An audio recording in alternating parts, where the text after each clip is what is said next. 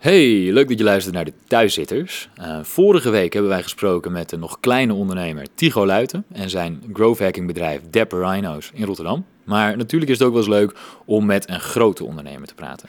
En laat ik nou net werken bij een bedrijf waar het ontzettend goed gaat. En daarom spreken wij deze week met Rob van de Heuvel en Sabi Tolu, twee van de drie oprichters van ZendCloud. De derde oprichter Bas kon er helaas niet bij zijn. SendCloud maakt eigenlijk software om het verzendproces van webshops makkelijker te maken. Um, want we hebben tegenwoordig ontzettend veel webshops. Iedereen begint er tegenwoordig heen. Um, en achter de schermen is er één bedrijf wat het verzendproces automatiseert voor al deze webshops. Ook naderen wij inmiddels het einde van het seizoen. Er zullen nog een paar afleveringen zijn. En daarom experimenteren Daniel en ik uh, deze week met een nieuw concept. En dat is eigenlijk dat we gewoon direct beginnen met een interview. Um, omdat we volgend seizoen ook enorm veel ondernemers um, en verschillende mensen met verschillende carrières uh, gaan interviewen. Om te horen ja, wat zij allemaal hebben gedaan in hun carrière. Um, dus um, ja, stay tuned voor seizoen 2. En dan gaan we nu naar het uh, interview met uh, Rob en Sabi. Onderwerp van de week: onder ondernemen met SendCloud. Ondernemen met SendCloud. Nou, ik ben hier echt fucking slecht in. Ja, oké. Okay. Het, thuis, het topic van deze week is. Ja, SendCloud. Ondernemen. Kutzooi. Ja, ja, ja. Die gaan we doen. Ja? Ja, nee, laatste. Ja, kom dan, doe dan. Hij wil, hij wil hem doen. Ja, doe, doe, doe, doe. Zo zouden we samen doen, romantisch. Ja, oké, is goed. De thuiszitterstopic van deze week is... is ondernemen met Rob van Heubel. en Zabi Tolu. Mooi, mooi. Nou, ja, oké, deze was goed denk ik, hoor. of niet? Ja, alright, alright, cool. Welkom bij de Thuiszitters. Een podcast over thuiszitten door corona, de onzekerheid op de banenmarkt, maar vooral over onze ervaringen als net op het verkeerde moment afgestudeerden, waarin wij de vraag proberen te beantwoorden wat werkt wel en wat werkt totaal niet. Waar zitten we nu weer? In Eindhoven vandaag. We zijn nu in Eindhoven bij, uh, bij SendCloud, mijn, uh, mijn werk. En, en we zijn hier vandaag om uh, nog een aflevering te maken over ondernemen. Ja, ja het was ons uh, goed bevallen denk ik vorige keer toen we het uh, interviewconcept hebben aangehaald. En daarmee een hoop wijze zijn geworden over ondernemen. en Tigo staat natuurlijk nog met zijn bedrijf nou, aan het begin van een onderneming. En we zijn nu bij een bedrijf, nou, wat we mogen zeggen dat... dat het de eerste grote stappen die zijn al gemaakt. En inmiddels zijn jullie denk ik goed op weg hier om iets groots neer te zetten. Ik zie al wat prijzen in de, in de kast staan. En me werd ook al verteld dat het uh, kantoor eigenlijk te klein wordt voor het aantal mensen dat hier werkt. Dus volgens ja. mij zijn we bij een heel inter interessante andere partij, namelijk SendCloud. Precies. Ja, yes. en we dus, zitten hier uh, met uh, twee van de oprichters. misschien kunnen jullie jezelf even voorstellen? ik ben Sabi, 31, Eindhovenaar, hart en ziel. Shout-out naar alle ondernemers, alle startende ondernemers. En dat was het. Alright. Rob 28. En samen met Sabi uh, SendCloud gestart. Uh, geen shout-out. Zo zit ik in elkaar. Maar uh, ja, that's it joh. Ik, ik ben verantwoordelijk voor, voor de bedrijfscultuur, lange termijn oh, ja. strategie. Een paar andere dingen. En, en wat zijn jullie functietitels? Sabi, juist? ik ben Chief Commercial. Ja, ik, uh, ik uh, CEO, hè. Dus uh, ja. Het is raar om te zeggen hoor. Het is dat wij... Het, we wilden vroeger nooit eigenlijk functietitels. helemaal geen titels met C. Hmm. Dat was echt zoiets van, ja, ja. ooit geforceerd door Startup Bootcamp in het verleden. Ja. Ah, ja. ja. ja. En om heel even een beetje context te schetsen voor de luisteraars. Um, nou, de luisteraars weten inmiddels wel dat ik bij SendCloud werk. drie maanden geleden begonnen. En SendCloud is eigenlijk een bedrijf wat... Um, nou, enerzijds via webshops um, orders komen er binnen. Um, en die orders moeten allemaal verscheept worden. Dus, en die link daartussen, dat stukje automatisering, dat is wat SendCloud doet. en daar is enorm veel behoefte aan, omdat er gewoon steeds meer webshops zijn tegenwoordig. En dat e-commerce gewoon keihard gaat. En ja, met dat e-commerce keihard gaat, gaat het verschepen van pakketjes dus ook keihard. En dat maakt dus eigenlijk dat, ja, dat, dat, het gewoon goed gaat met SendCloud. Dus misschien kunnen we heel even een stapje terugzetten en heel even hebben over wanneer SendCloud is begonnen. Ja, goeie. Ja. Um, en hoe, hoe zijn jullie toegekomen om dat uh, op te richten? Ja. ja het, begon, het, begon, het begon bij de vooruitgang. Dat is een uh, tentje in, op de markt in Eindhoven. En we deden elke vrijdag na, na werk bij T-Mobile gingen we dan um, een biertje drinken.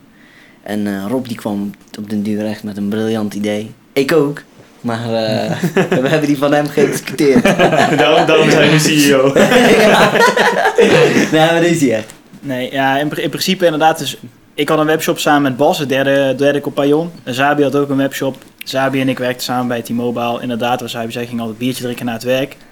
En eh, we liepen eigenlijk tegen hetzelfde probleem aan. Dat het versturen van pakjes gewoon echt super slecht geregeld was als webshop. Dus we zaten dingen handmatig over te typen in een of andere jaren 90 programma van PostNL. Of van DHL. We konden de zendingen niet volgen. Ja, want voor wie was het dan slecht gefixt? Zodat je Voor de webwinkel. Voor de webwinkel, ja, oké. ja, ja. En, en voor consument uiteindelijk ook. Maar dat heb je niet door als de webwinkel heel veel werk voor jou doet. Ja, ja, Maar in ieder geval was het gewoon klote geregeld en we dachten, oké, weet je, er moet iets voor zijn om dat te automatiseren. Was er niet. Dus toen inderdaad na een biertje of tien bij de vooruitgang. ja, is goed joh, gaan we doen. Mooi. Ja. Ja. En toen de stoute schoenen aangetrokken. Zijn jullie toen direct tot actie overgegaan of is daar nog een eh, tijd overheen gegaan? Ja, we zijn eigenlijk best wel snel tot actie gegaan. Hè? Ik denk dat Ja. dat eh, idee ontstond in eh, In augustus. Ja, augustus in de zomer heeft het idee en in oktober hadden we het, eh, de BV opgericht. In 2012 was dat. Ja, Ja. ja, ja, ja, toen, toen, toen ik, ik studeerde nog, ik werkte nog bij T-Mobile en we hadden nog een webshop ernaast. Dus echt een part-time ding geweest tot, eh, Ja. tot 2014 eigenlijk. Dus eh, in 2014 zijn we fulltime gegaan Mhm. en toen is het echt heel hard gegaan. Dus, ja, eh, want, want nu werken er hoeveel mensen hier? 200, eh, 220 mensen werken er inmiddels 220 in de hier. zes, zes jaar eigenlijk. Ja. ja, en als je kijkt, vorig jaar om deze tijd was de helft. Dus Oh, we, zijn, eh, we groeien ook nog steeds 100% jaar op jaar.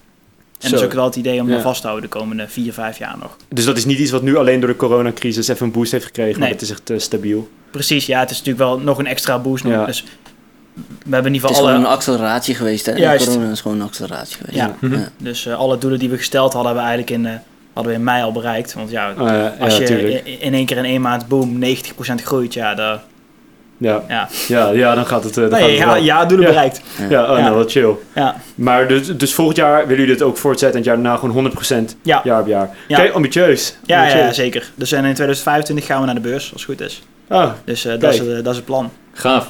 Ja. Hey, maar laten we heel even nog één stapje terugzetten. Hè? Want Mhm. destijds in 2012, jullie waren denk ik, nou nu 31 en 28, dus acht jaar geleden. Ehm dus ben je dan 23 en eh 20 ongeveer. Ehm, wie waren jullie toen? Zeg maar, wie waren Rob en Sabi toen? Je werkte in de telefoonhoesjeswinkel, maar ehm, ja, dus studeerden jullie ook? En wat studeerden jullie? En even voor onze luisteraars, om, ja, die vragen zich dan toch af, wie waren zij rond mijn leeftijd? Ja. Of wie waren zij vroeger? En dat zij nu toch daar gekomen zijn. Ik moet zeggen, volgens mij, eh, volgens mij was ik net gestopt met mijn HBO. Eh, welke opleiding heb je gedaan? commerciële economie. Oké. En eh, ik heb het ook niet afgerond. Ik, vind het ook, ik vo- ik vond het ook niet interessant. Oké. En ehm, door die tijden heen, dat is, is best wel interessant. Op school vond ik me eigenlijk steeds dommer worden.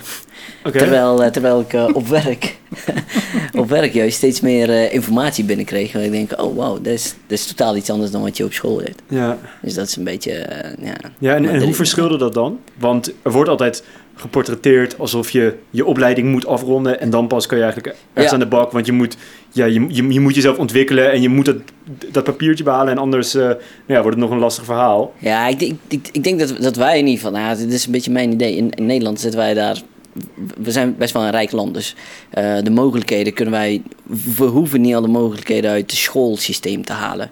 Dan kunnen Ja. we ook gewoon praktiseren. Dat is best wel een goed sociaal stelsel. Ja. Dus val, je kan altijd vallen en opstaan, vallen en opstaan. Dus dat was een beetje ook het, eh, het idee toen, dat ik toen de tijd denk ik had. Mhm. Ik vond het ook niet interessant.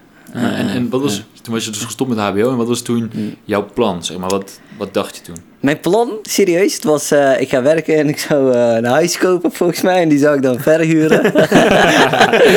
Ik zou kopen. tot mijn eh, veertigste bij mijn ouders wonen en eh, heel, heel veel huizen kopen en een dol verhuren. dat was een beetje echt, echt super was simpel een plan. plot Oh, ja. over nagedacht natuurlijk. Ja, Ah, ja. tuurlijk. Zo werkt het niet, maar ja, goed. En toen eh, werkte je dus eh, ja, in, een- in een telefoonzaak ja, en toen eh, ging het balletje rollen. Hoe, is dat, hoe is dat voor jou, Rob? Hoe was jouw situatie? Ik, eh, ik studeerde bedrijfseconomie, HBO. Ehm, ik was toen net met mijn eerste jaar klaar. Ik vond geen zak aan. Ik had net eh, geprobeerd om eh, bij de luchtmacht binnen te komen als piloot. Dat Oké. is niet gelukt. Vet. En toen dacht ik, ja, shit. Nu weet je wel. Ja. Dus toen met Bas inderdaad de webshop begonnen. Ik werkte met Sabi samen bij T-Mobile toen de tijd. En ehm, ja, wat was mijn plan toen? Niet echt een ondernemer te worden. Nee. Heel eerlijk, daar had ik niet echt aan gedacht. Ik dacht, ja, kloot, ik moet, mijn, Ik vind school ook niet leuk. ik moet mijn papiertje halen. Dus dat had ik wel in mijn hoofd zitten. Ik denk, ik wil ook niet die studieschuld terugbetalen. Dat is allemaal kloten. Dus ik dacht, eh, ik ga het wel halen. Uiteindelijk ook gehaald. Gelukkig, met pijn en moeite. Fijne zesjescultuur. en eh, ja, dat zit eigenlijk. Mhm. Ja. Dat, dat moet heel motiverend zijn voor iedereen die luistert. Ga lekker in zesjes. Ja, dat betekent dus wel dat je er alsnog kan komen, al- ook al rond je HBO niet af, ook, of- ook al vind je dat totaal niet leuk. Maar dat klinkt ook een beetje alsof jullie allebei veel meer gemotiveerd werden door de praktijk. Ja. ja school is super theoretisch. Vandaag, eh, ik had toevallig vandaag nog over. En helemaal op, op eh, ja, waar, waar ik niet tegen kon, ik ben niet zo van regels. Dus als iemand bijvoorbeeld een formule Mhm. uitlegt op, op, op, op het, ik heb vandaag nog gezegd toevallig, op, op het bord, iemand tekent de formule, dit is de formule om, eh, weet ik veel, ik, dit te berekenen. En als ik dan vraag aan zo'n leraar, ja, waarom is dit de formule of hoe werkt Ja. die? En dan krijg ik snel van, ja, dit is de formule, dus niet te zeuren, weet je wel. En Ja. dan, dan haak ik gewoon af. Ik wil Ja. graag weten waarom dingen zo zijn. En school zelf was ook veel dingen uit je hoofd leren. Ja, dat begreep ik al helemaal niet, want je kon alles natuurlijk gewoon googlen. Dus waarom heb ik, dat heb ik in de praktijk nooit nodig. Dus waarom zou ik het dan leren? Gewoon het klassieke voorbeeld van waarom zou je wiskunde doen? Je hebt toch een rekenmachine? Ja, ja bij wijze van. Ja, Ja, ja. ja. Ja, Maar, maar het, is meer, het is meer een test om eh, of jij dingen goed kan onthouden, hè? tot een bepaald niveau ja, tot een Ja. bepaald niveau. is gewoon, eh, ja, kun je het onthouden? Ja, oké, Ja. nou, dan gaan we even kijken wat je hebt onthouden. Nou ja, dan wil ik wel graag hebben over het begin van SendCloud. Ehm, zeg maar, jullie, jullie begonnen dat toen, maar ik, ik vind het ook, ook gek dat je gewoon denkt, terwijl je tien bier op hebt, van laten we shipping software gaan maken. Zeg maar, Het is erg specifiek. ja, het, is- het is Ja, echt, ja je, je, je had je- je natuurlijk al een probleem. Ja, precies. Je bedenkt dan niet. Hè. Je, je begint eerst te zeuren van, ja, dit is een probleem, zeg maar. En dan met tien bier op bedenk je misschien, hé, hey, misschien kunnen we het zo oplossen. En dan ga, dan ga je een beetje googlen. Kom je erachter dat heel veel mensen het probleem hebben. En dan denk je, de volgende keer dat je tien bier op hebt, denk je, hé, hey, maar luister eens, ik heb gezien dat heel veel mensen dit probleem hebben. Laten we dit gewoon maar eens, eh, laten we gewoon proberen. Ja. Ja. ja, want er zijn ook heel veel mensen, ook in mijn omgeving, die willen heel graag ondernemen. En die gaan dus actief op zoek naar iets waarin ze kunnen ondernemen. Ja, Gelo- ja. geloof je daarin? Nee. Nee, ja, geloof niet. Ja, tenzij het iets simpels is, weet je wel. Dus een, iets verkopen, Ja. eh, dus een winkel of zo. Maar als, je nou, als, je, als jij als persoon denkt, eh, oké, weet je, ik ga in de blockchain, eh, weet ik veel, of AI-markt stappen en ik ga... Je hebt verder geen verstand van AI. Ja. Vergeet het maar. Je gaat niet zomaar een gat in de markt vinden als je niet in de markt actief bent. Nee, Ja. natuurlijk. Dus is hetzelfde-. We hebben onze webshop, ik en Bas, die is verkocht aan, eh, aan, een, aan een goede vriend van ons toen dat tijd. En die is eigenlijk daarmee doorgegaan. Toen kwam je daarna achter, hey, inkopen met de webwinkels ook echt super kloten. Dus die gast heeft daarna inkoopsoftware bedacht voor webwinkels. Dus eigenlijk uit diezelfde webwinkel Ja. staan dus twee ja. andere... Simpelweg omdat mensen dus tegen problemen aanlopen en die oplossen. Ja, dus je begint ja, vanuit iets kleins en dan rol je weer... Maar die, die webwinkel, wie heeft die nu? En Hij kunnen, nu- kunnen hij is- Daniel en ik die even lenen? Precies. Hij is helaas overleden. Jammer. Hey, maar wat ik me dan altijd afvraag, hè, want jullie lopen met 10 bier op tegen een probleem aan, denken ik ga dit oplossen. Als het zo'n groot probleem is dat je er een bedrijf van eh, nou, 210 eh, werknemers uit de grond kan stampen, waarom was er niemand anders die dat deed, denken jullie? Nou, ik, ik denk dus dat bij heel veel ondernemers of startende onder- ondernemers, het, het moet er echt in zitten om, te, om het te doen. Ja, Dus er wordt heel vaak, er zijn, soms hoor je echt super leuke ideeën. Ah, Oké, en nu? Ja, dan, eh, dan wordt er niks mee gedaan. Het eerste wat je eventueel zou moeten doen is: oké, ga nou gewoon naar die fucking Kamer van Koophandel. ja. Schrijf je in, dan heb je al de eerste stap al ge- gezet. Maar ik denk dus dat daar heel vaak mensen vastlopen. En Oké, en- en ik heb waarom een supergoed idee en dan? En waarom dan? Want ja, als je, als je denkt dat het een supergoed idee is, dan zou je... Nou, je- je- soms worden mensen ook heel erg, veel, heel erg bang gemaakt van met, met al die, eh, ja, fiscaal is het allemaal moeilijk en als je failliet gaat en eh, Ja. dat, soort, dat soort geneuzel. Ja. maar ook het feit, dan gaan ze dus googlen en dan komen ze misschien wel een concurrent tegen Oh, die ja. misschien Oh, ja, ja, ongeveer ja, ja. iets hetzelfde doet, maar niet helemaal. Dan ja. denken ze, oh ja, Dat bestaat al. precies. Ja. Want mensen Ja. ook helemaal los moeten laten. Dus een idee is niks waard, hè. Ja. Een idee is gewoon... ik- Duizend mensen hebben hetzelfde idee. Honderd mensen doen er misschien iets mee. En van die honderd mensen hebben- bouwen er misschien tien een succesvol bedrijf. Ja, Zo, eh, zo moet je het zien. Dus een idee, ja. Ja. Het gaat om de uitvoering uiteindelijk. Ja, ja dat is het enige wat dat te doet. Want, want, want, want, want hoe zou je, je- jullie kennis op het gebied van ondernemen inschatten op het moment dat jullie eraan begonnen? Want ik denk dat heel veel mensen er dus tegenaan lopen. Dat ze denken, oké, ja, ik kan wel gaan ondernemen, maar ik heb alleen maar een idee en geen ervaring met ondernemen. Hoe ga ik dit doen? Hoe, hoe, hoe, hoe was dat voor jullie? Ja, je gaat gewoon. Kijk, we hebben- hadden natuurlijk al een web online winkel, dus Ja. we kennen de basisdingen. Ondernemen is nou ook wel niet zo heel moeilijk, hè? Dus wat, wat, wat is nu moeilijk aan ondernemen? Ja. Eh, ik, ik, Geld ik, denk, nou, nee, ja, nou, ook Ja, niet echt. misschien. Ja, en anders, weet je wat, dan, dan ben je 1000 euro kwijt. En dan? Ja. Ja, oké, het, is, het is best wel veel geld. Alleen, dat 1000 euro heb je dan in een jaar, zeker misschien in de een aankomende jaar, misschien dubbel dwars terug. Ja, want je leert, het is gewoon leergeld. Ja. Dus onze eerste jaren als ondernemer dachten we altijd, juist, het maakt ons eigenlijk geen zak uit wat ermee gebeurt. Wij hebben ook nooit geld opgenomen van, de, van de, de eerste drie jaar hebben we ook ja. gewoon geen salaris gehad, niks. Oké. Dus alles geherinvesteerd. En we hebben altijd gedacht, als het misgaat, dan hebben we in ieder geval superveel geleerd. Ja. Dat is wel een goede houding, maar ook wel... Ja, zijn, zijn jullie heel erg eh, eh, risicozoekend, ook in, in, verder in het, in het leven? Wat jullie extreme sports of zo? Nee, maar ik bedoel, want, want Ja. dat is toch iets waar je vaak tegenaan loopt. Dat mensen dat, ja, je, je neemt een bepaald risico. En ehm, ja, als je risico-avers bent, dan is dat toch nog wel een grote drempel om te overwinnen. Maar, maar wat is het risico precies? Dus als je kijkt naar eh, het geval van toen, ze studeerden nog of eh, hadden allebei nog een baan aan de zij en daarnaast. Maar wat is, dan het, wat is dan het risico?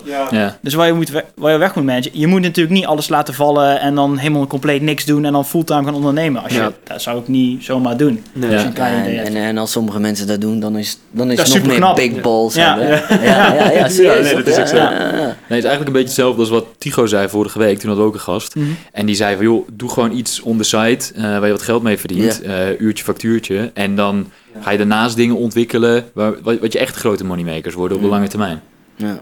ja, wat dat betreft is ook niks fout, hè, zolang je het maar gewoon doet. En Ja. je ziet wel waar het, waar het op uitkomt. Ja, want, want hoe zijn jullie dan echt gewoon concreet begonnen? Jij zegt, nou ja, ga naar de Kamer van Koophandel, schrijf je in. Wat nou als je als ondernemer zo'n idee hebt en je zit aan de tafel? Wat, zijn- wat zijn dan een beetje de stappen die je moet doorlopen om naar, naar een nou ja, be- werkend bedrijf eh, toe te gaan? Het ligt eraan wat voor bedrijf je hebt. Eh, in, Ja, maar, ons maar, maar geval, dit bedrijf. in ons geval, softwarebedrijf. Nou, wat kunnen wij niet? Software ontwikkelen. ja, ja, ja, heel praktisch. Goede start. Ja, dus, dan, dan, dus je begint met het zoeken van iemand die het product kan bouwen. Aha. Nou, eh, die vind je dan. Vervolgens die enthousiast gemaakt voor de plannen. Gebouwd samen met hem. Eh, na drie, vier weken stond het eerste concept er.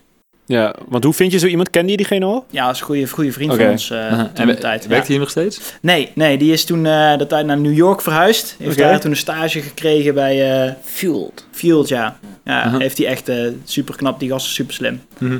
Die, is, die was dan nu ook die is lead backend developer daar geworden in eh, New York. En Field is een bedrijf dat maakt apps voor de grootste bedrijven, weet je wel. Dus Mhm. voor Coca-Cola en zo. heel cool. En eh nou, had hij echt goed gedaan. Maar ja, die had toen gekozen voor om daarheen te gaan. Ja. Dus die was na ja, eind 2013 is hij weggegaan, denk ik. hè? Ja. Eh, januari, zoiets. Januari. Oké. Ja. Maar goed, die had natuurlijk... Had, ja, ik weet trouwens niet exact de datum, maar die had toen best wel veel staan. En dan had ik nog een andere vriend die ook kan programmeren. En die heeft het daarna overgepakt. Oh ja. Hey, en als we dan heel even denken aan het initiële product. Hè? Want je, volgens mij begon het met gewoon labels verkopen aan webshops. Van die, van die labels waarmee je een pakketje op de post kan doen. En hebben jullie gewoon tegen die programmeur gezegd van... ehm, vraag een label op bij een carrier... ehm, en stuur die door naar de webshops? Of hoe Nee. dat gebruikt, een hoop termen, want ik denk dat ook veel luisteraars misschien niet helemaal überhaupt dat proces snappen. Ehm, want jullie zeiden dat was vroeger een hele puin op iemand allemaal, allemaal dingen handmatig invoeren. Want hoe ziet dat hele proces eigenlijk eruit Als je een pakketje binnenkrijgt, er zit altijd zo'n label op. vanuit een barcode. webshop perspectief? Jij, jij bestelt iets online. Ja. Mhm. Je krijgt een pakketje binnen. St- PostNL bezorgt die. Ja. DHL, whatever. Er zit zo'n label op, weet je wel. Met Ja, een ja, ja. trackingcode. Je kan die code altijd volgen op de PostNL website. Nou, label, om, die- om die te maken vroeger, dat labeltje, moest je in een jaren 90 in een of ander Windows programma van de. PostNL inloggen. Handmatig, je, je krijgt een order online binnen, als Ja. jij bestelt. Die staat dus in een online systeem. En dan mocht je handmatig gaan overtypen in een PostNL Windows programma. Oh ja. En als je dan hon- 100 orders per dag krijgt, dan heb je gewoon iemand 100 keer dingen overtikken, typfouten, dingen gaan mis. Nou, dat is gewoon een hoop gezeik. En helemaal als je daarna nog ook met DHL iets moet versturen of internationaal, ja, Ja, ja, dat is gewoon een hoop, gedoe. ja. Dus daarmee begon, daar begon het mee. Dus echt dat stukje automatiseren, dat als je een order binnenkrijgt, Juist. dan worden die gegevens automatisch overgenomen, heel Juist. simpel gezegd. Nou, dat was in ieder geval Ja. het initiële, initiële product. Hè? Ja. En nu is het een stuk breder. Moet je maar naar de website Ja, even ja, ja, kijken. ik heb maar, het, eh, eh, ik heb het. Zou je, zou je heel kort kunnen samenvatten wat jullie core business op dit moment is? Wat, wat nemen jullie allemaal uit handen van die webshop en hoe doen jullie dat? Ja, ja, ja dus je, ehm, als je begint bij ons als... Nou, laten we even naar stap 1 gaan van, eh, van de, de klantreis. Als jij als consument gaat afrekenen bij een webshop, dan heb je vaak afleveropties, mogelijkheden. Die mogelijkheden, die verzorgen wij. Dus wij kunnen ervoor zorgen dat jij als consument kan kiezen tussen eh, zelfde daglevering, volgende dag leveren, bepaalde tijdvakken, Ja. naar een pakketwinkel of naar een lokker. Dus daar begint het. Eh, dus die keuze, wij zorgen ervoor dat jij die keuze kan bieden aan de consument. Daarna, nadat die order geplaatst wordt, nemen wij al die data over vanuit die order. En die komt in ons systeem terecht waar een webwinkel dan die order eigenlijk verwerkt. Nadat die order verwerkt is, wordt die opgehaald door de vervoerder.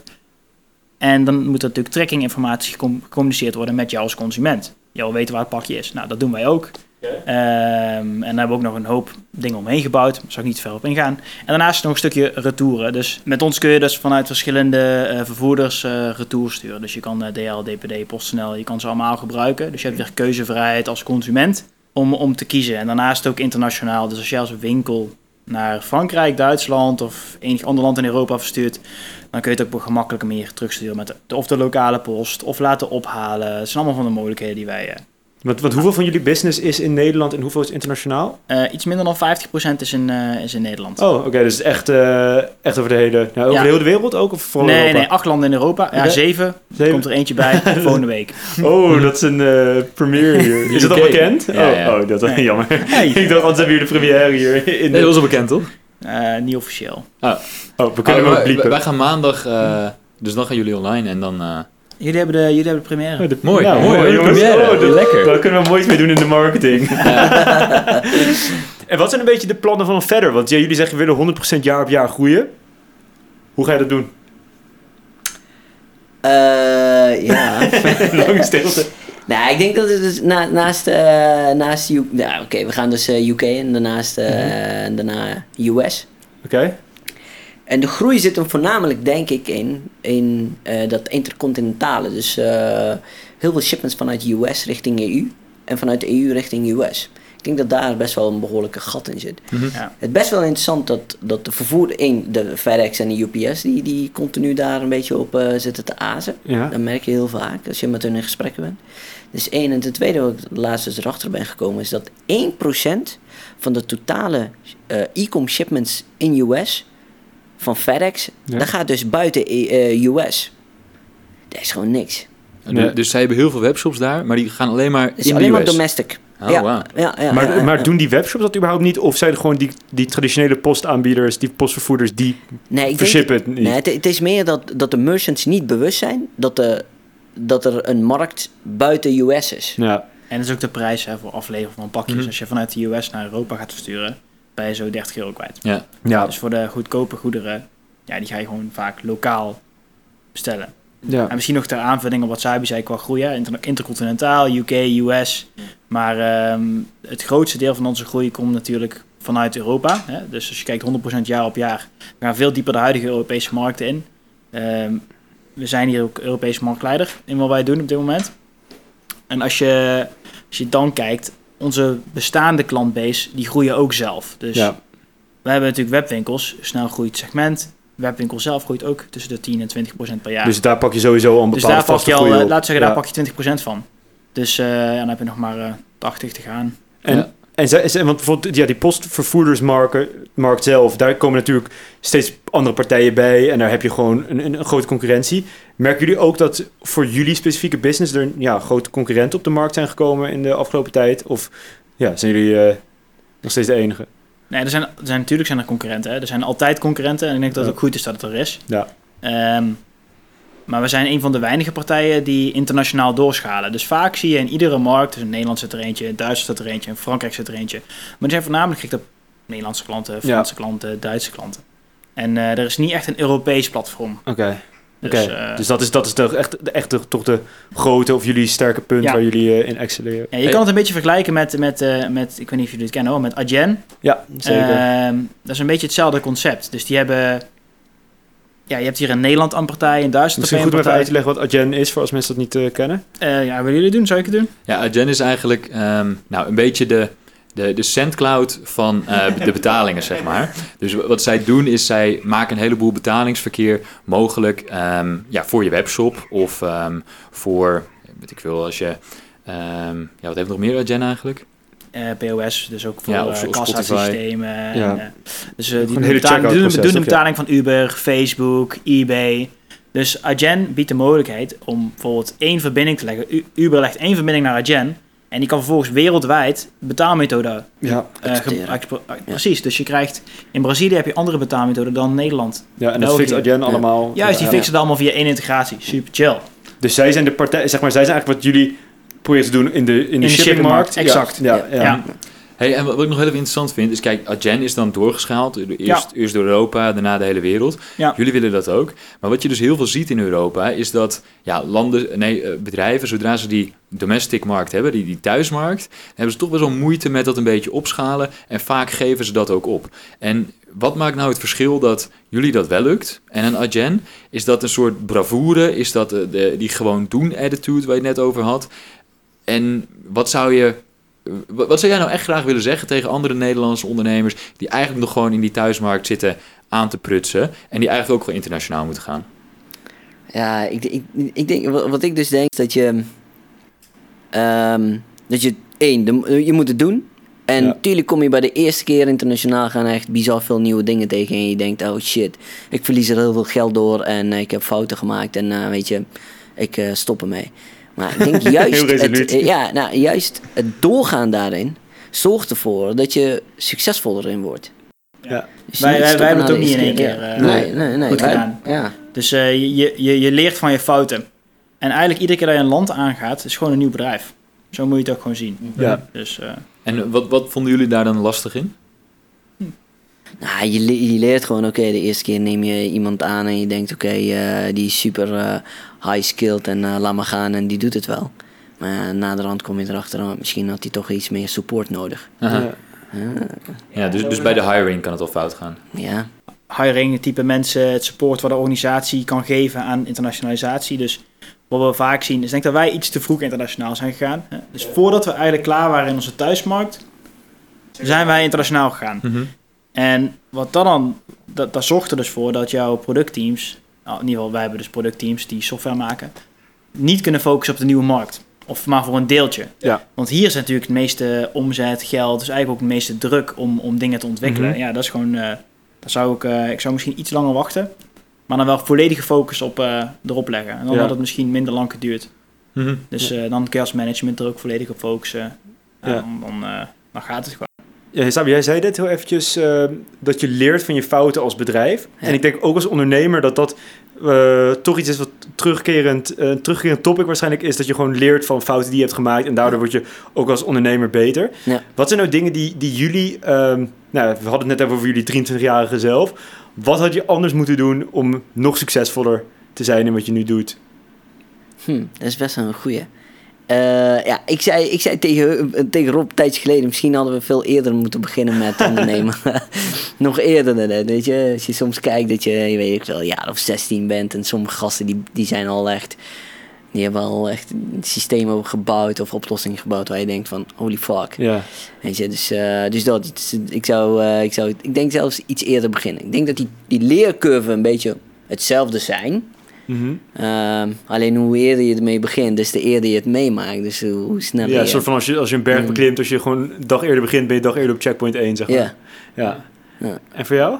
Ja, ik, ik vond dat wij vroeg genoeg begonnen waren. Dus, eh, dus, even eh, lekker student zijn. Ja, je moet wel een beetje ook lol hebben. En eh, ik denk, ik, ik was begonnen toen ik 18 was, hè, samen met Bas.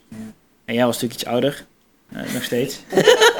Ehm, ja, dus ehm, nee, ik ben het er niet helemaal mee eens. En, en, en als je één ding ja, eerder had willen leren in je ondernemingstraject? Meer geld ophalen.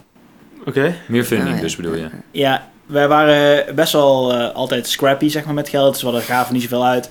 En eh, de eerste ronde die wij ophaalden was toen de tijd 150.000 euro. Vonden wij mega veel geld. Ja, en we, wel. toen kregen we echt aanbiedingen. Ja, jongens, we kunnen er ook al vier of vijf ton in stoppen. En zeiden we, nee man, ben je gek. maar eh, toen gingen we dus mensen aannemen. Ja, met Toen was het 150.000 euro. Dat is, dat is heel snel op. dan kun je, Ja. dan kun je, wat kun je dan aannemen? Vier, vijf mensen en dan is het gewoon klaar. Ja. Ja, dus eh, en hadden we, als we iets meer opgehaald hadden, dan waren we, eh, hadden we minder vaak op moeten halen, zeg maar. Ja. Dus dan heb je meer aandelen over aan het einde van de rit. Ja, tuurlijk. Je- Want, want je begint eigenlijk dat hele traject als ondernemer. Maar ja, je verandert nu. Je, je, je, je keek net een beetje ongemakkelijk toen je moest zeggen dat je CEO was. Dat, dat, dat, dat is natuurlijk niet wat je misschien verwacht op het moment dat je een onderneming, eh, onderneming start. Wat vind je dan leuker? Dat echt de beginnende ondernemer zijn en nog dat avontuur aan moeten gaan? Of nu echt het manager van een ja, best wel aardige organisatie? Ik vind eh, persoonlijk, iedere fase heeft zijn charme. Dus zolang het maar iedere keer opnieuw is en een nieuwe... nieuwe ik, ik hou niet van iedere dag hetzelfde doen. Dus zolang ik maar leer, Ja. ontwikkel, dan is het prima. Mhm. Dus, eh, maar als je hebt over echt... Het is wel super nice om met een team van 20, 25 mensen... eh, ja, echt een, iets vets te bouwen. Ik denk dat dat wel de... De hoogtijdagen. Ja, hoogtijdagen zou ik niet zeggen. Maar ik bedoel, dan, dan, zit je, dan zit je echt met elkaar super op één lijn. Als je 220 mensen hebt... Ja, dan, dan heb je er altijd wel één of twee bij. Of misschien wel een groep die iets minder... Of, ja, Ja, het is... ehm, tuurlijk. ja, het is gewoon net iets anders. Maar ik vind het allemaal Ja. steeds leuk. Ja, want hoe, hoe waarborgen jullie hier die cultuur? Want toen ik hier binnenliep, en dat is misschien voor mij omdat dit de eerste keer is dat ik hier ben. Alleen voor mij had het een super erge start-up vibe toen ik binnenkwam. En toen kwam ik erachter dat jullie drie verdiepingen bezetten. Dus dat het eigenlijk een prima groot kantoor is. Eh, terwijl er toch ergens hangt er iets in de lucht van dat het een beetje casual. En eh, nee, er zit een mini-sportschool en er zit een bowlingbaan in de gang. Zag ik. eh, dat, is- dat dus zeg maar, hoe, hoe, hoe, is, dat, is dat iets bewust waar jullie voor kiezen dat je die, die jonge start-up vibe wil houden? En, en hoe doe je dat dan? Pff, ik, ik, ik denk dat het al begint bij, bij, bij de management. Oké, ben, je, ben je hiërarchisch ja of nee? Wij zijn dus totaal niet hiërarchisch. Dus waardoor je het speels ook een beetje aanhoudt. En eh, ja, dat zit eigenlijk. Ik, ik, heb, ik, heb, ik heb niet direct echt wat, wat ik kan zeggen. Oké, dit is exact de reden waarom het hier zo'n eh, zo'n eh, zo'n Speeltuin. Ja, Nee. speeltuin is. Eh, Nou ja, jij zegt dat Sabi, maar tegelijkertijd, ik weet het wel, ik ben hier net komen werken. En ik heb gewoon in week 2 dat Sabi Tolu, een van de founders, op mijn bureau komt zitten. Die geeft mij een box en die zegt, hé hey man, hoe is het? Leuke presentatie vorige week. Weet je, ja, dan is de toon gezet, toch? Als, het- als het vanuit de hoogste lagen binnen het bedrijf komt. En dan denk je ook, nou, ik ga ook lekker speels over de gang lopen en grapjes maken en een keer die bowlingbal eh, een swing geven, zeg maar. Ja, nou goed. Ik, ik, ik ben er ook. ik vind oprecht dat je, dat je, als je je thuis voelt of als je je goed voelt en jezelf kan zijn in, eh, in, eh, in een, tijdens je werk, dat je ook veel beter presteert. Omdat je niet echt een bepaalde. Ja, in, zo'n, in sommige bedrijven, als je binnenloopt, heb je een zo'n, zo'n gekke angstcultuur. Dan kun je nagaan hoe die medewerker eigenlijk beangstig is om iets van zijn baas te horen en vervolgens super verdedigend naar een klant zou kunnen zijn. Hè? Want Ja. die, die is natuurlijk bang dat hij iets verkeerds doet. Ja. Dus hij zal altijd zichzelf moeten gaan verdedigen waarom die klant fout is. Of wat het ook is. Hè? Eh, Ik Ja, ja, vertel het nou echt super plat.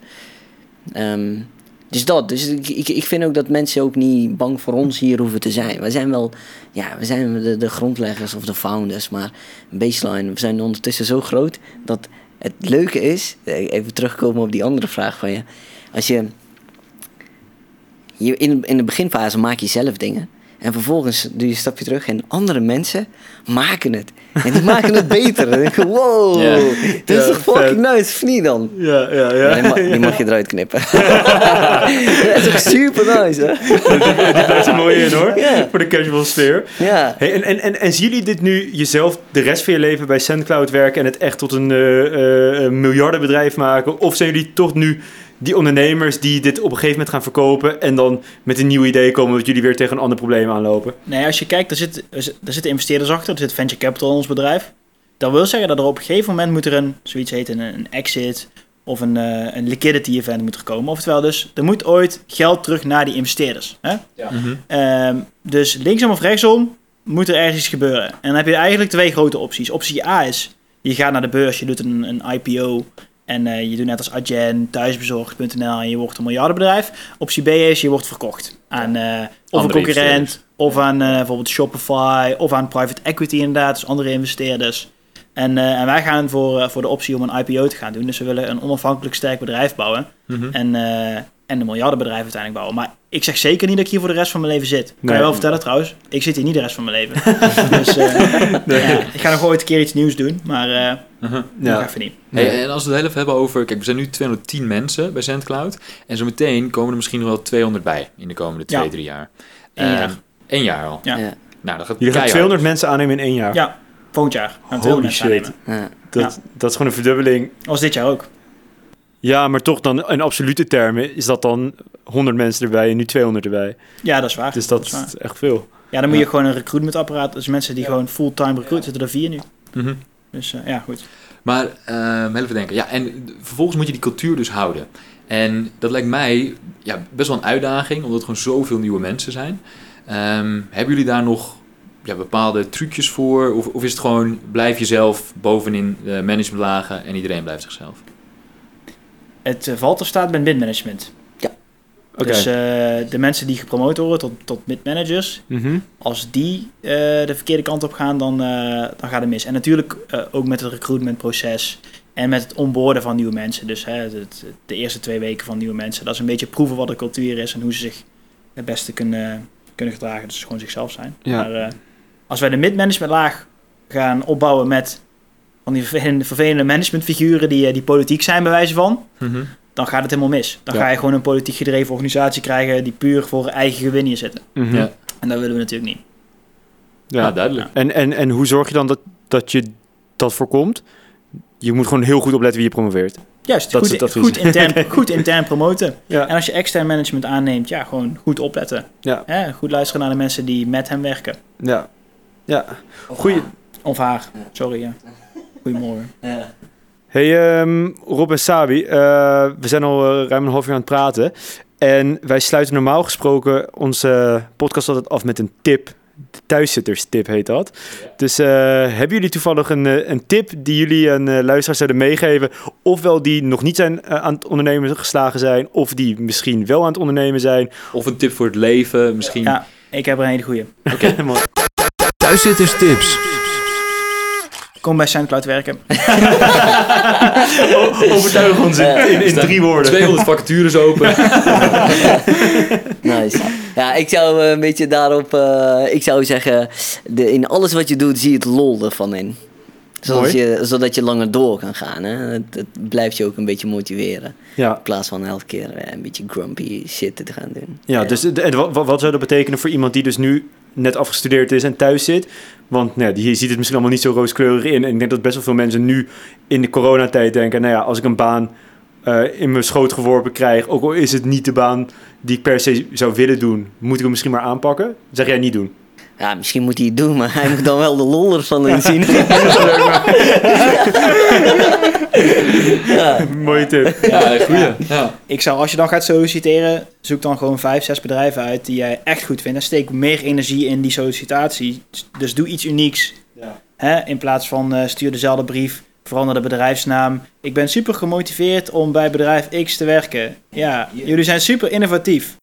Die termen als dynamisch en eh, ja, Oh, ja, jong, spin in het web eh, ja. functie, dat soort dingen. Als je iets leuks doet, je steekt er meer energie in, kan ik je, kan ik je garanderen, dan word je altijd uitgenodigd voor, voor een gesprek. Wat is, wat is de leukste sollicitatie die jullie ooit hebben gekregen? Hebben jullie ooit iets heel creatiefs gezien? Dat iemand, weet ik veel, een taart opstuurde met neem mij aan? Nou, weet je, de, Ja, de- zeker. ja, de ja, laatste, laatste keer wat, wat ik had meegemaakt is die gast die adverteerde op LinkedIn op mijn naam. Eh, om eh, met ons in contact te komen. Dus die, die had echt een LinkedIn-ad opgezet. Oh, joh. Ons getarget. Super cool. En, en toen zag jij dat, en toen heb je erop geklikt. Want er stond er Sabi Tolu, klik hier en huur mij in. Ja, ja, ja, serieus, serieus. Ja, ja, ja. Oh, joh. Ja, Ja, dat is vet? Ja, dat is super vet. En, en is het gelukt? Eh, het is gelukt om mee te praten, ja. Oké, ja. maar daar heel tof. Ja, ja, Ja. ja, ja. Ja, leuk. cool gedaan. Ja, heel vet. Hey, eh, heren, mag ik jullie eh, bedanken voor eh, ja, jullie, nou, eigenlijk mijn aanwezigheid, want ik ben hier, maar voor Ja, jullie input. voor jullie input voor deze podcast. Super inspirerend. Heel vet om hier ook een keer op, op, op, op de werkvloer te mogen kijken. Ik snap wel waarom Tim het hier zo naar zijn zin heeft en zo lyrisch is over wat jullie hier allemaal doen. En ehm, ja, ik wens jullie heel veel succes met toekomst en alles wat Sandcode nog gaat brengen. En in Ja. 2025 eh, sta ik in de rij voor de aandelen. Cool. Ja, thanks man. Eh, succes met, eh, met, met de podcast. Thanks, dat Dankjewel. helemaal goed komen. Thanks. Hey, en voor de luisteraars, ehm, like ons op Instagram. Nee, like ons. Volg ons op Instagram. like onze post. En, en volg Sabi Tolu. En Ja, nu ons volg- verhaal Shout-out naar iedereen. bij aflevering 12. Bij aflevering 12. En de thuiszitters. Dat is En het laatste wat we moeten ja, zeggen die volgens moet je vooral volgen. Ja, die moet je vooral volgen. Alright jongens. Tot volgende week Tim. Tot volgende week, Daniel.